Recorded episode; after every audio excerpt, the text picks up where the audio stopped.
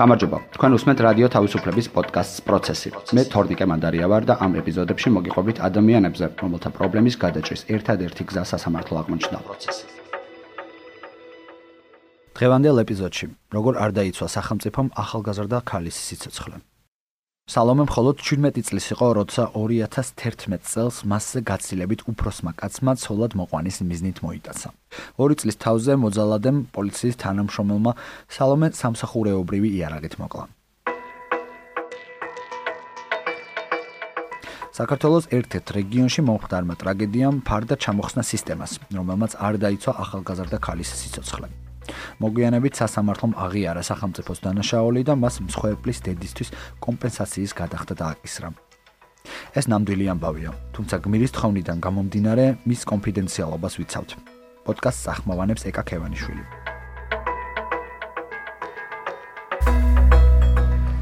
ხატავდა, ღეროდა, სცენაზე გამოდიოდა. თამამი და ძალიან ლამაზი ბავშვი იყო. თინეიჯერობაში სამოდელო კარიერაც დაიწყო. მისი მერეთიც კი გახდა. არ მარტო დედაშვილი დებიც ვიყავით. ყველაფერს მიყვებოდა. პატარაობიდან ჩამოყალიბებული პიროვნება იყო. ტაძარში დაინახა ბზობის დღესასწაულზე. სალომე მეათე კლასში იყო. ხშირად მიდიოდა სკოლაში და ძალაუნებურად მასთან ახლოს იყო. ის ურჩევდა მეგობრებს, ვის დალაპარაკებოდა და ვის არა. ასე დაიწყო მათ შორის ურთიერთობა. ბარბარობას გამოეწყო და მეგობართან დაბადების დღეზე წავიდა. იქ მიაკითხა ჩაისვა მანქანაში და მომტაცა. მე-11 კლასში იყო. ტელეფონში მესმოდა ყვირილი, დამაბრუნე სახლში არ მინდა გათხოვებაო. ვიცოდი ჩემ შულს უნდა და სწავლა და კარიერა.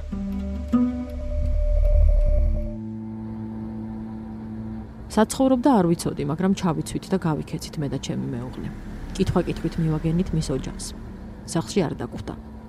პოლიციაში დავრეკე, მაგრამ თვითონაც პოლიციელი იყო, ამიტომ ვერაფერს გავხდით. დიდხანს ვისხედით მასთან სახლში. ღამის 3 საათზე მოაყენა მანქანა. სალომე მითხრა არ მოვდივარო.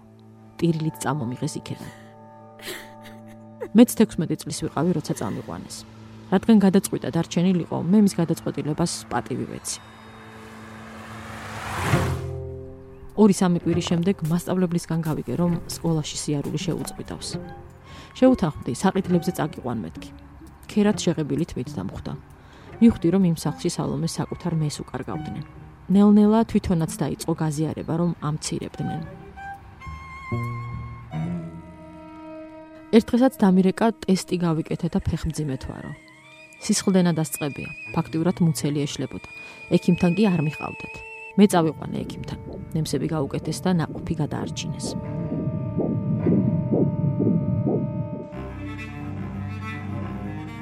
იმ დღის მერე სალომე იქ აღარ დაბრუნებულა.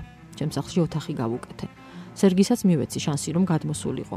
თუ მას უნდა და ბავშვი გაეზარდა და ერთად ყოფილიყვნენ, ჩვენ ხელს არ შევუშლიდით. ხანდახან მოდიოდა, ხშირად არჩებოდა. ოღონ ძალიან ჭუბობდნენ. შუაღამეზე მთრალი რამდენჯერ მოსულა. იერახს ვისვრი კარს თუ არ გამიღებთო. ამასობაში სალომემ დაამთავრა ორი კლასი ერთად და ჩააბარა უნივერსიტეტში. სანდროც გააჩინა. მერე თბილისში გადავიდა სასწავლებლად. ბავშვი მე დამიტოვა. ყოველ ორ კვირაში ჩამოდიოდა. პირველი კურსი რომ დახურა, ფაკულტეტი შეიცვალა. პროკურორობა უნდოდა. მე სულ ვეუბნებოდი მოდელი პროკურორი ვის უნახავს მეთქი. ჩემი თავი მე თუ არ დავიცავი, ხომ ხედავ არავინ მიცავს რომ პასუხობდა. სერგის თბილისში ყავდაც მაკაცები. ყველაფერი იცოდა სალომეზე. მე მირეკავდა, რატომ აქ ამ დროს. არადა ამ პერიოდში საერთოდ ურთიერთობა თითქმის არ ჰქონდათ. მაგრამ ეს მაინც აკონტროლებდა. ერთ დღესაც სტუმრები ყავდა. შემოვიდა სერგი გაღიზიანებული, აგრესიული და სალომეს მუშტი დაარტყა ცხვირში. ბავშვს გაიწია. დედორი ინსტინქტი ჩაერთო და მაშინ დარეკა პოლიციაში.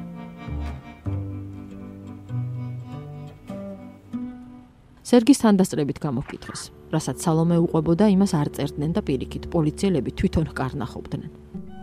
იმ დღესვე პროკურატურაშიც წავიდა. იქაც დაწერა განცხადება. ბოლოში კი მიაწერა: მე კი ვწერ, მაგრამ შედეგი მაინც არ მოხვებაო. მართლაც პროკურატურას გამოძიება არ დაუწყია. თვითონ პოლიციელი იყო და გინდ მიგემართა, გინდ არა, სულ ერთი იყო, არავინ რეაგირებდა. ერთხელაც პარკში მიუვარდა და შეურაცხყოფა მიაყენა. გენერალურ ინსპექციაში დაურეკავს. მე არც ვიცოდი გენ ინსპექცია საერთოდ თუ არსებობდა. თვითონ უკვე ამ ამბებში გარკვეული იყო. იმ დღეს სალომე ქუთაისში დაიბარეს გენ ინსპექციაში. უკან რომ დაბრუნდა სერგიმ პარკში შეიყვანა. ორი ბიჭი ახლდა თან. უამრავი ხალხის თვალწინ ხუთი ტყვია ეს რო.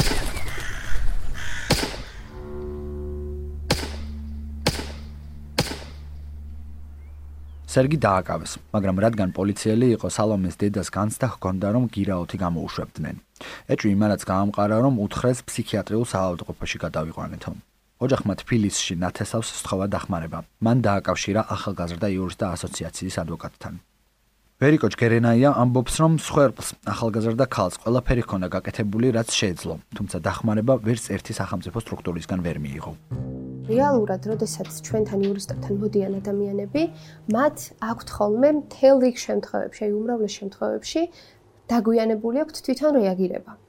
არ უნდათ პოლიციისთვის მიმართვა, არ უნდათ იურისტის ნახვა და შეხვედრა და კონსულტაციის გავლა, მაგრამ ამ კონკრეტულ შემთხვევაში მსხვერპლმა აბსოლუტურად ყველაფერი გააკეთა, რის გაკეთებაც მას შეეძლო. მას მიმართული აქვს პოლიციისთვის არაერთხელ, მას მიმართული აქვს რაიონული პროკურატურისთვის.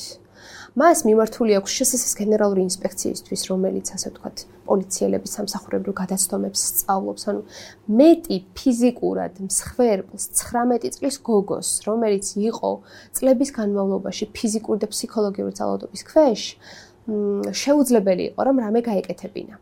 ვერასოდეს მან ეს დახმარებას ვერც ერთი სახელმწიფო სტრუქტურისგან ვერ მიიღო. ქუჩაში აა ხუთჯერ ესროლა სამსახურებრივ საშტატო იარაღიდან, ამასაც აქვს მნიშვნელობა, იმიტომ რომ თავის დროზე, აი როგორც მინიმუმ, რომ გამოწერილი იყო შემაკავებელი ორდერი ან დამცავი ორდერი, შემაკავებელი ორდერის და დამცავი ორდერის პირობები, მთელ რიგ შემთხვევებში ითვალისწინებს იარაღის ტარების აკრძალვას. როგორც მინიმუმ, მას ეს იარაღი რომ არ ჰქონოდა, ესეთი ტრაგედია არ მოხდებოდა, ხო? გამომდინარე აქედან ძალიან აშკარა არის აქ სამართალდამცავი ორგანოების ბრალეულობა, გულგრილობა, რამაც გამოიწვია ეს მძიმე შედეგი. სასარჩელო მოთხოვნა იყო მსხვერპლის დედის მორალური ზიანის ანაზღაურება, თავის მხრივ მორალური ზიანის ანაზღაურება რომ დაკმაყოფილდეს, უნდა იყოს მთელი რიგი წინაპირობების სახეზე. მათ შორის მიზეზობრივი კავშირი მოპასუხის ამ შემთხვევაში სამართალდამცავი ორგანოების ქმედებას და დამდგარ შედეგს შორის. შინაგან საქმეთა სამინისტრო და პროკურატურა იყვნენ თანამოპასუხეები და ჩვენ ვდაობდით იმასთან დაკავშირებით, რომ მათ ორივეს ჰქონდათ თავიანთი წილი პასუხისმგებლობა ამ საქმეში, არა მხოლოდ შსს-ს, არა მხოლოდ პროკურატურას ცალ-ცალკე, არამედ ერთად. თბილისის საქალაქო სასამართლოს მოსამართლე ნათია ჯორბენაძემ სრულად გაიზიარა მოსარჩელის არგუმენტაცია და თქვა, რომ სახელმწიფომ არ შეასრულა პოზიტიური ვალდებულებები. მოგვიანებით იგივე დაადასტურა სააპელაციო სასამართლოს მოსამართლე გიორგი ტყავაძემაც. ამ საქმის პრეცედენტულობა გამოიხატება ორი მიმართულებით. ეს იყო ერთ-ერთი პირველი საქმე, როდესაც სასამართლომ მოსარჩელეს დაუკმაყოფილა მორალური ზიანის ანაზღაურება ოჯახის წევრის გარდაცვალების გამო. და ეს იყო ერთ-ერთი პირველი საქმე, როდესაც დადგინდა არა კერძო ადამიანის, ანუ დამნაშავის, არამედ სახელმწიფოს როგორც პოზიტიური ვალდებულებების მქონე სტრუქტურის პასუხისმგებლობა, რაც არის ძალიან ძალიან მნიშვნელოვანი. ჩვენი მანკიერი პრაქტიკაა ჩვენი სასამართლოში, სასამართლოსი ჯერ კიდევ ამ დრომდე, რომ მორალური ზენის ოდენობა დაკმაყოფილებული არის ხოლმე ძალიან ნაკლები და ეს იყო ამ კონკრეტულ შემთხვევაში 20000 ლარი. გარკვეულ დონეზე მაინც სამართლიანობის შეგრძნებისთვის და ბუნებრივია ეს ოდენობა არ იყო საკმარისი და ახლაც არ ვფიქრობთ რომ საკმარისი. 11 წელი მიუსაჯეს. ბავშვი სანდრო ჩემთან დარჩა. მე ვზრდი გაჩენის დღიდან და მე მეძახის დედას. იცის რომ мама პოლიციელი იყო და დედა მოუკლა. ფსიქოლოგისგან გავიგე რომ ყველაფერი ცოდნია. მამობის ჩამორთმევაზე საბუთები შეტანილი მაქვს. ჯერჯერობით არავინ რეაგირებს.